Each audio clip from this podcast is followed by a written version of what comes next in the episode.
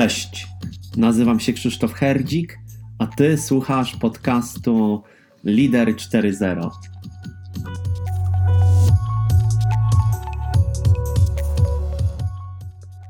Dzisiejszy odcinek będzie o tych, którzy nie chodzą do kina, nie kupują płyt, a oglądają filmy i słuchają muzyki. Zapraszam.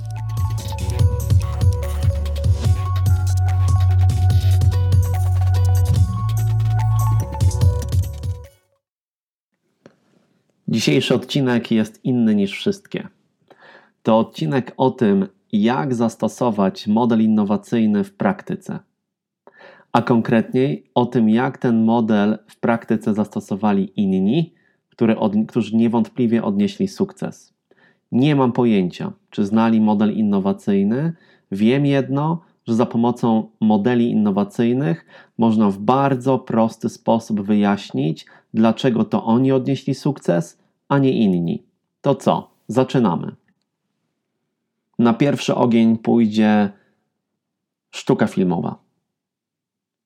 I teraz, żeby było jasność, tego reżysera, którego teraz przedstawię, nie będę oceniał, właściwie jego twórczości nie będę oceniał z punktu widzenia sztuki filmowej.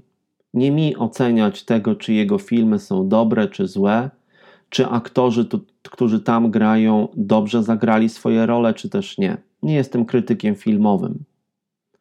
To, na co spojrzę, to będę starał się przyłożyć lupę innowacji do jego modelu biznesowego, bo niewątpliwie jego filmy z punktu widzenia ilości sprzedanych biletów w kinie odnoszą sukcesy. I paradoksalnie za każdym razem coraz większe. No bo spójrzmy. Film, film Botox obejrzało ponad 2,3 miliona osób. Kobiety Mafii 2 miliony osób. Pitbulla już 2,7 miliona osób. Dla porównania, film Zimna Wojna obejrzało 900 tysięcy osób w Polsce. Film, który przypominam, w zeszłym roku był notowany, nominowany do Oscara. Dlaczego tak się dzieje, że Patryk Wega odnosi tak ogromne sukcesy? Powszechnie wiadomo, że jego filmy nie były nominowane do Oscara, tak jak na przykład Zimna Wojna, a statystyki za każdym razem mówią coś innego. Mówią, że jego filmy najczęściej dwukrotnie przewyższają to, co mogliśmy zaobserwować, jeśli chodzi o Zimną Wojnę. Czasami nawet trzykrotnie. Dlaczego tak się dzieje, że ludzie częściej chodzą na filmy Patryka Wegi niż na inne filmy polskich twórców? Patryk Wega zastosował tutaj bardzo sprytny mechanizm, który w modelach innowacyjnych nazywa się dotarcie do niekonsumentów. Najczęściej jego widzami są osoby, które sporadycznie chodzą do kina, bądź też gdyby nie Patryk Wega, do kina w ogóle by nie chodzili. I to nie dlatego, że bilety i ich cena jest dla nich niedostępna. Powiem coś bardzo odważnego. Dla nich niedostępna jest treść innych filmów, bo niewątpliwie film Zimna Wojna jest arcydziełem. Jednakże nie dla każdego. Jak widać po statystykach, tylko dla 900 tysięcy Polaków. Dlatego też nie chodzi tutaj o cenę biletu. Ona mogłaby być zdecydowanie wyższa. Dla niekonsumentów barierą oglądnięcia dzieł filmowych jest treść, która tam jest przekazywana i forma, w jakiej ten film jest przekazywany. Jest po prostu dla nich niedostępny, a co za tym idzie, mało atrakcyjny. Filmy Patryka Wegi mają treść dostosowaną do swojego widza. I w sposób bardzo przemyślany ten widz to jest nie konsument. Czyli jeszcze raz osoba, która sporadycznie bądź też w ogóle wcześniej do kina nie chodziła. Patryk Wega dzięki swoim filmom zdemokratyzował kino dla Polaka niewątpliwie przyczynił się do tego, że duża część Polaków do kina zaczęło chodzić. Śmiem twierdzić, że duża część z nich nie poprzestała na filmach Patryka Wegi, a zaczęła chodzić do kina także i na inne filmy. Jednakże, co jest czynnikiem sukcesu, który pozwolił Patrykowi Wedze osiągnąć takie statystyki? O pierwszym już mówiłem. To treść dostosowana do swojego widza. Bardzo, bardzo precyzyjnie opracowana pod niekonsumentów. Te osoby powinny mieć treść, którą łatwo przyswoić. Ale to nie wszystko. Drugim czynnikiem sukcesu jest zaangażowanie znanych polskich aktorów, których możemy widzieć i w innych filmach. Jednakże klucz i zabieg, który zastosował Patryk Wega, pokazuje, że osoby, które poszły do kina na jego film, nie tylko potrzebowały jasnej i prostej w przekazie treści, ale powinna ta treść być przekazana przez znanych aktorów. Po czym byłby film Patryka Wegi oglądnięty w, w kinie, gdzie w ręku widz trzyma dużą paczkę z popcornem czy też z chipsami, popijając jednym z najbardziej słodkich napojów na świecie, bez znanych aktorów. O czym taki widz mógłby potem mówić, wracając do domu ze swoim partnerem bądź też partnerką w samochodzie? No bo przecież on w tym momencie staje się konsumentem i użytkownikiem jednej z najważniejszych sztuk w tej chwili na świecie. Mówimy o kinie. Mówimy też o tym, że w filmie, z którego właśnie wyszedł, zagrali najlepsi, najbardziej popularni polscy aktorzy. I wszyscy konkretnie dla niego. On staje się ważny, staje się częścią pewnego mm, obszaru, który wcześniej był dla niego niedostępny. Niedostępny głównie z przyczyny treści, która była dla niego niezrozumiała. Wobec tego Patryk Wega udostępnił kino nie konsumentom.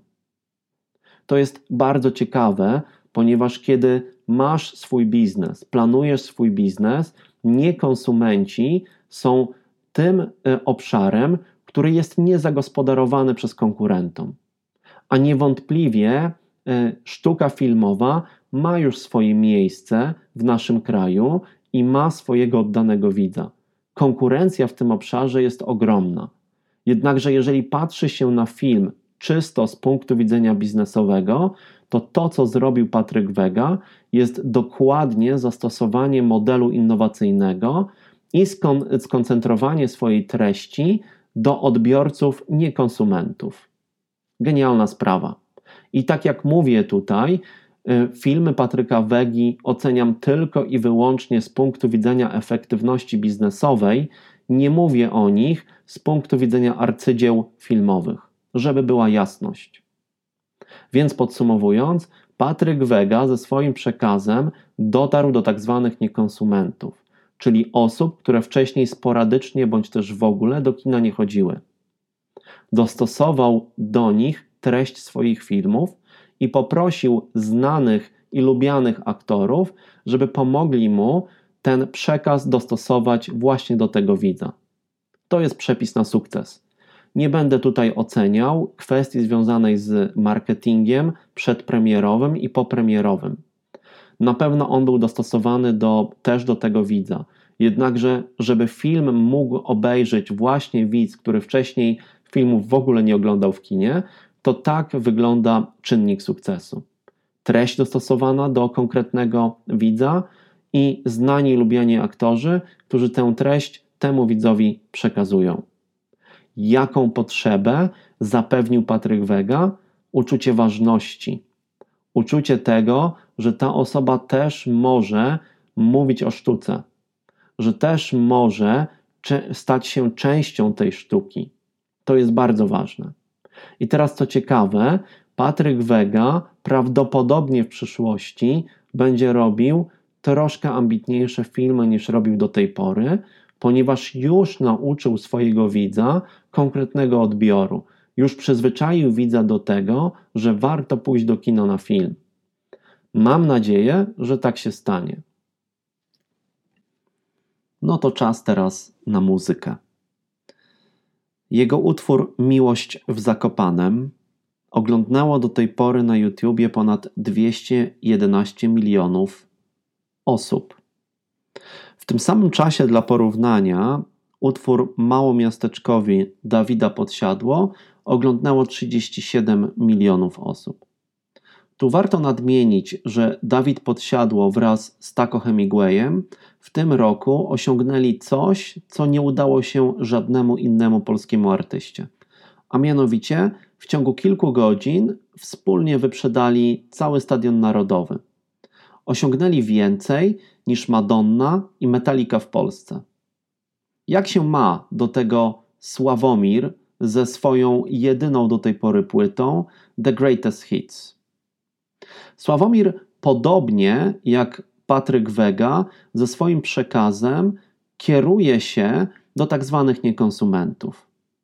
I teraz to nie jest nic nadzwyczajnego, jednakże dobry przedsiębiorca, żeby mógł kierować swój produkt, swoją usługę do niekonsumenta, to powinien tego, tego niekonsumenta dobrze określić. Przyjrzałem się odbiorcom, którzy słuchają Sławomira.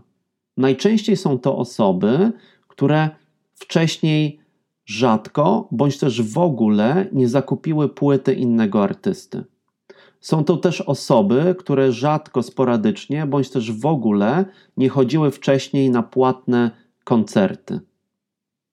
Dlaczego wobec tego zaczęli słuchać Sławomira? Duża część z odbiorców Sławomira to są osoby, które wcześniej słuchały disco polo. Dlaczego wobec tego Sławomir w tak krótkim czasie był w stanie zgromadzić tak dużą rzeszę swoich fanów? A mianowicie znowu chodzi o treść. Sławomir dostosował swoją treść i swój przekaz do swoich odbiorców, do tak zwanych niekonsumentów. Czyli znowu osób, które chciały czuć się e, w sposób ważny, chciały czuć się w sposób zauważony. To są osoby, które nie chciały być już kojarzone z muzyką disco polo, ale chciały mieć poczucie, że wchodzą na wyższy poziom, jeśli chodzi o muzykę. Jednakże zagospodarowany już dosyć duży kawałek tortu w postaci dużo bardziej ambitnej muzyki po prostu do nich nie docierał. Oni tego przekazu po prostu nie rozumieli.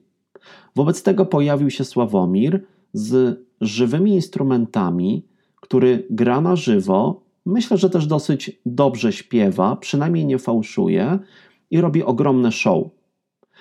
I tym był w stanie skraść uwagę tak zwanych niekonsumentów, nie tylko powodując, że jego utwór Miłość w Zakopanym jest jednym z najbardziej popularnych utworów polskich na YouTubie, ale też był w stanie gromadzić na swoich koncertach tysiące osób, które przychodziły właściwie tylko i wyłącznie dla niego. Zaskarbił sobie uwagę publiczności prostym przekazem, który opakował w relatywnie dobry, yy, dobre pudełko. A tym pudełkiem są oczywiście żywe instrumenty, i jak w porównaniu do tego, czego słuchają jego fani do tej pory, dosyć dobrze brzmiącą muzykę. Morał z tych dwóch y, przypadków jest taki.